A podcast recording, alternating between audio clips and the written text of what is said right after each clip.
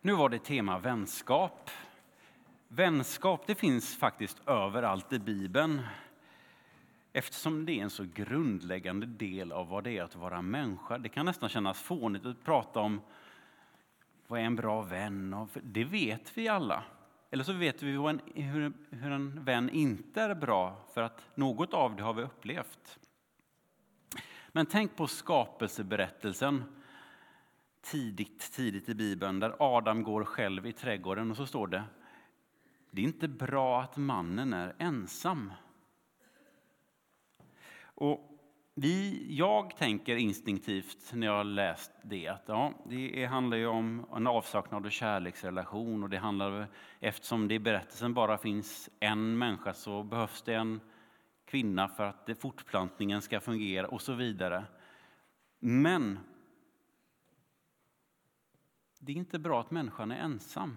Och vi har många olika typer av relationsband oss emellan. Och vänskapsbandet, det är mycket viktigt för vårt välmående. Läser man sedan genom Bibeln så möter man ju människor som relaterar till varandra. Vi läser om vacker vänskap, bästa vänner.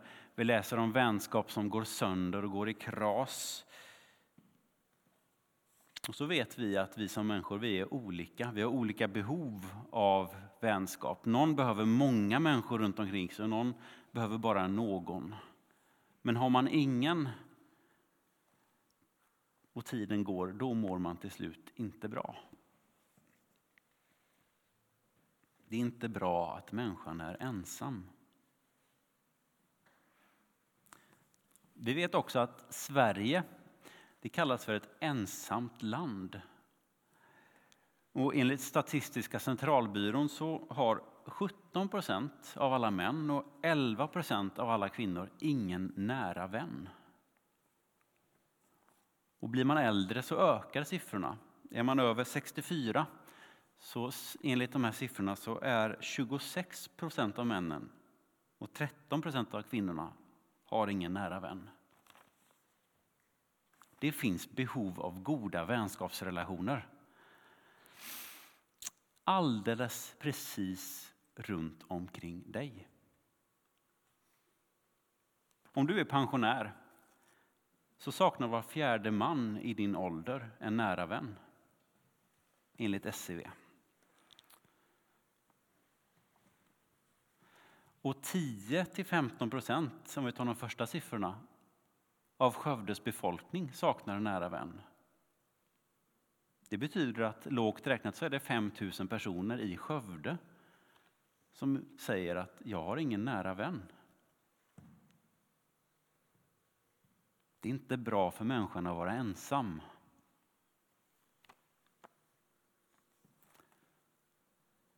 Vänner.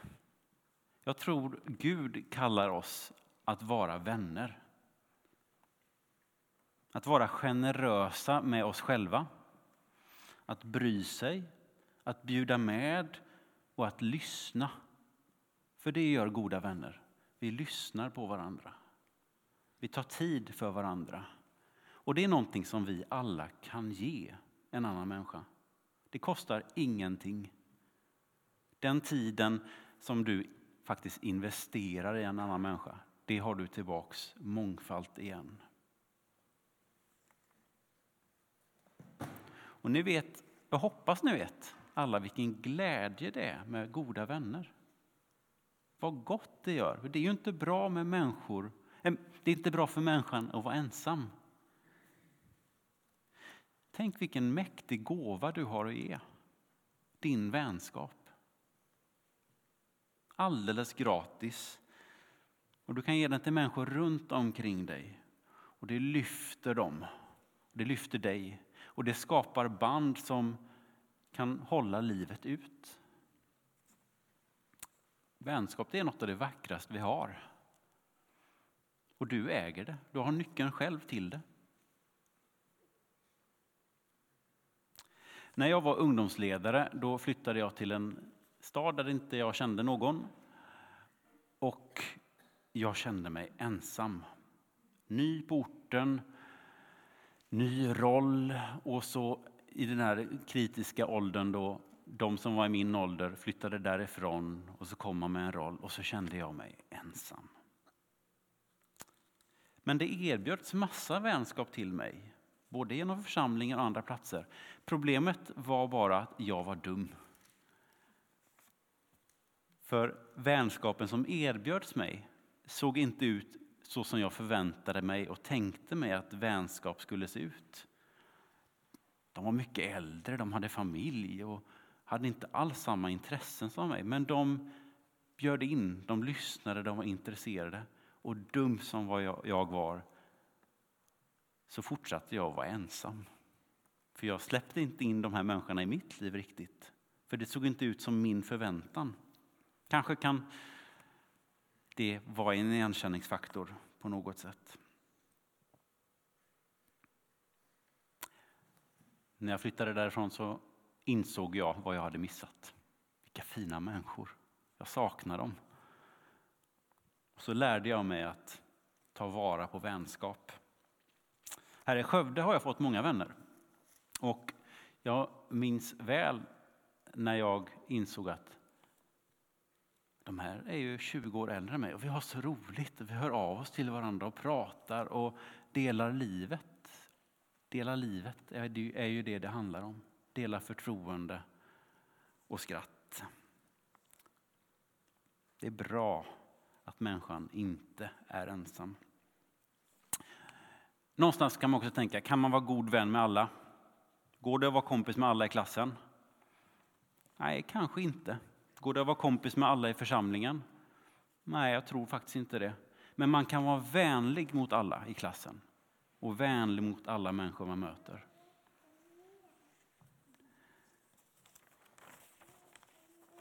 Och sen får vi se vad som händer utifrån det. Församlingen, vi här, vi är en vacker gemenskap. Här finns massa goda relationer och här föds vänskap. Och vi kan också se till att den gör det i större grad genom att gå bortom de där fraserna hej hej, hur är det med dig? Som vi lätt tar. Och så lyssnar vi istället lite extra. Man brukar ju tjata om att kyrkfikat, kan vi inte göra något mer av det? Ja, varsågoda, kör på. Och sen så har vi något fantastiskt här i kyrkan också. Vi har en jättestor byggnad och vi är många människor med många kontaktpunkter. Här kan vi skapa mötesplatser för varandra och för andra. De där 5000 kanske i Skövde som behöver en vän. Det kan vara stickcafé som vi hade ett tag. Det kan vara spelkvällar för, med brädspel. Fixar folk. Vi umgås, vi ser varandra, vi lyssnar. Det är körsång, det är bönegemenskap. Vi får hitta något intresse. Det kanske är någon som har hund här som kan anordna hundpromenader med utgångspunkt i kyrkan. Det ska inte vara jag. Jag förstår mig inte på hundar, men kanske är det någon av er som gör det. Så det är ju fantasin som sätter gränserna. Tänk vad vi kan ge till varandra.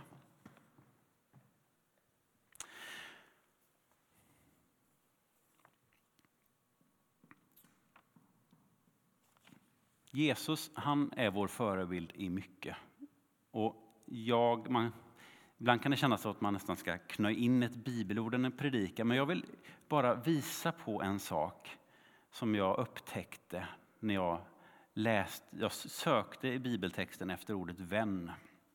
Och så var det ett bibelord som jag aldrig har läst med ordet vän framför mig innan. Och så blev jag, inte provocerad, det är för starkt, men jag blev tagen av Jesu kärlek. För vad är det Jesus säger till Judas, han som förråder honom, när han har kysst honom på kinden? Min vän, nu har du gjort ditt. Till och med då så väljer Jesus en annan väg. Min vän. Där finns det en öppning för försoning från försonaren. Till oss och till lärjungar i alla tider så säger Jesus så här i Johannes. Jag kallar inte längre tjänare, för en tjänare vet inte vad hans herre gör. Jag kallar er vänner. Jag kallar er vänner. Det finns en lovsång jag tycker om att spela för den är svängig. Den heter I am a friend of God. Jag är en vän till Gud. Det är också ett bibelord. Jag tror det är från Jakobs brev eller Hebreerbrevet. Det kommer den, hämta, den är hämtad från. Vi är Guds vänner. Vi är både syskon och bröder. Han är vår broder, vår Herre och vår vän. Det finns också en sådan relation i vår Guds relation.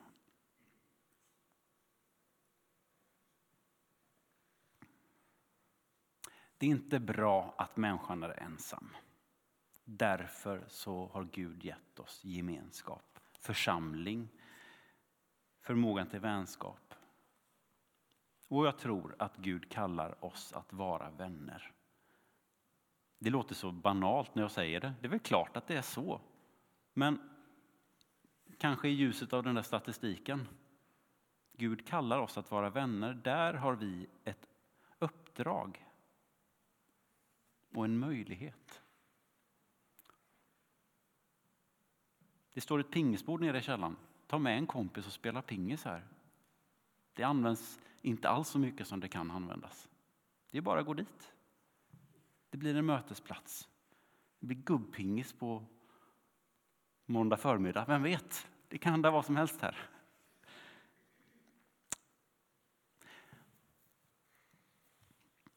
Ni som är barn,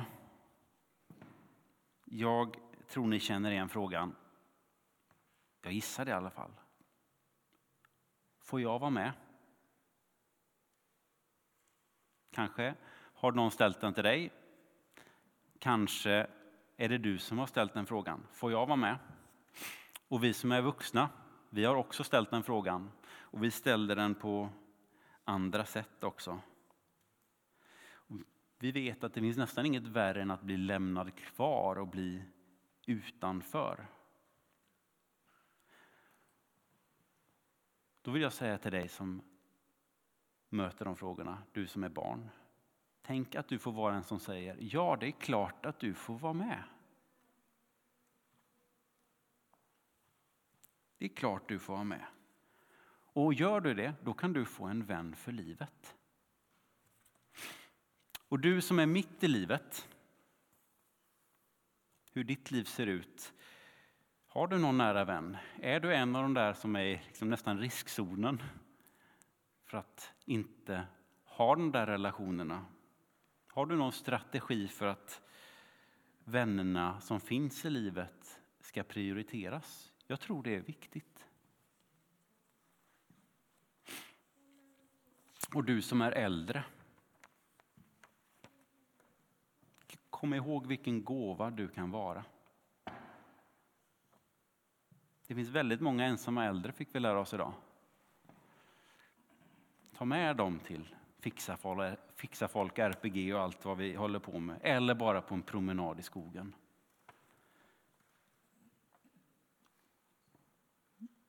Vilken gåva vi har att ge, vår vänskap.